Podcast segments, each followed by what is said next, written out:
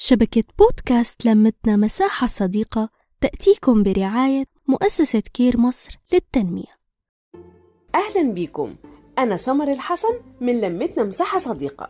هتلاقي كل يوم حاجة جديدة. هنتكلم عن تربية الأطفال وعن مشاكلك اللي انت بتواجهها والأكل وال fashion معاكم هنمشي الطريق في يوم جديد مع سمر. عايزة إزاي تغيري ابنك من مدمن الشاشات إلى مدمن الكتب؟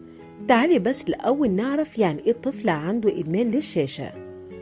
لو طفلك عنده 3 سنين وبيقعد وقت محدد قدام الشاشة على الأقل نص ساعة في اليوم ده مش بيعتبر إدمان. حتى لو كان بيعيط لو قفلت الشاشة قدامه.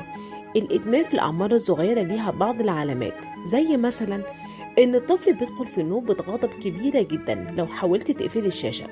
والغرض ده برضه مش دليل كفاية إن طفلك مدمن. لو طفلك حاول إن هو يدور على أي فرصة عشان يستعمل أي جهاز أو موبايل تاني موجود حواليه. ولو أنت رفضتي تديله الجهاز ده ممكن كمان يفضل يعيط ويتنرفز ويتعصب.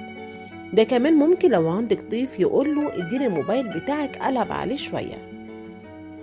غير إن في علامات تختلف في طفلك كمان مع مرور الوقت زي إن هو ابتدى يبقى عنيف أو عصبي وعدم التركيز والانتباه على طول مشتت والتواصل معاه كمان مبقاش زي الأول وبيطلب الشاشه طول الوقت. الشاشه عندي بتكلم عليها سواء كان تلفزيون أو موبايل أو لابتوب أو أي حاجة من الحاجات دي. لو ابنك عنده أي علامة من العلامات دي هقولك على خمس نصايح تعمليها معاه. قللي وقت تعرضك أنت للشاشة قدام طفلك. طفلك شايفك من أول ما بيتولد وأنت ماسكة الموبايل طول الوقت. قبل ما تنامي وقت الأكل أو ما تصحي هو خلاص افتكرها عادة المفروض يمشي عليها. فكري كده معايا إذا كان إحنا مدمنين للشاشات هل ولادنا فعلا هيبقوا شايفيننا كده ومش هيعملوا زينا؟ لازم هيقلدونا راجع نفسك الأول في الخطوة دي. تاني حاجة ارسمي حدود للشاشة. أكيد سمعت الجملة دي من كذا حد إنك تحدد استخدامك للشاشة. اللي أنت تحددي وقت معين ليه. بس هل أنت فعلا طبقتيه ومشيتي عليه ولا لأ؟ الكتب.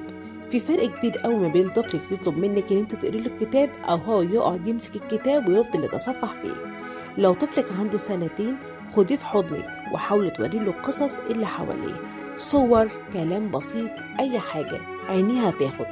إذا كان طفلك دلوقتي هو عنده سنتين بيمسك الموبايل ويفتح الباسورد المتكون من أربع أرقام مش هيقدر يتخيل قصة معينة عشان يرسمها جوه دماغه؟ أنت كده بتعلي الحس الإبداعي جدا من خلال قصة أو كتاب بسيط. عشان طفلك يحب الكتب دوري على التطبيقات اللي فيها مكتبة شاملة فيها كتب كتير لكل الأعمار حتى الأعمار الصغيرة ودي كتيرة جدا. نحاول بقى نستخدم التكنولوجيا في الاستخدامات الصحيحة. نختار التطبيقات اللي بتكون فيها خاصية مقروءة كمان لأن هي بتحكي قصة وبتزود بيها مؤثرات معينة عشان الطفل يتخيلها. وما تخافيش انت مش هتشغليها ولا شوف بعينيه انت هتشغليها على مكبر صوت ولا حاجة عشان الطفل يسمعها ويتخيلها. أمال إحنا كبرنا إزاي؟ ده إحنا زمان اتربينا على القصص الموجودة في الراديو. حاولي تدخلي القراءة عندك في روتينك اليومي. ما تربطهاش بس بالشاشة. وشجعي طفلك يلا بينا نقفل التلفزيون وتعالى نقرأ مع بعض. جهزي بيئة ملائمة جدا حواليك عشان تشجعي طفلك على القراية. اختاري جمل بسيطة وجميلة المناسب لعمر طفلك واحكي له بيها. خدي طفلك معاكي للمكتبة عشان يختار كتابه بنفسه.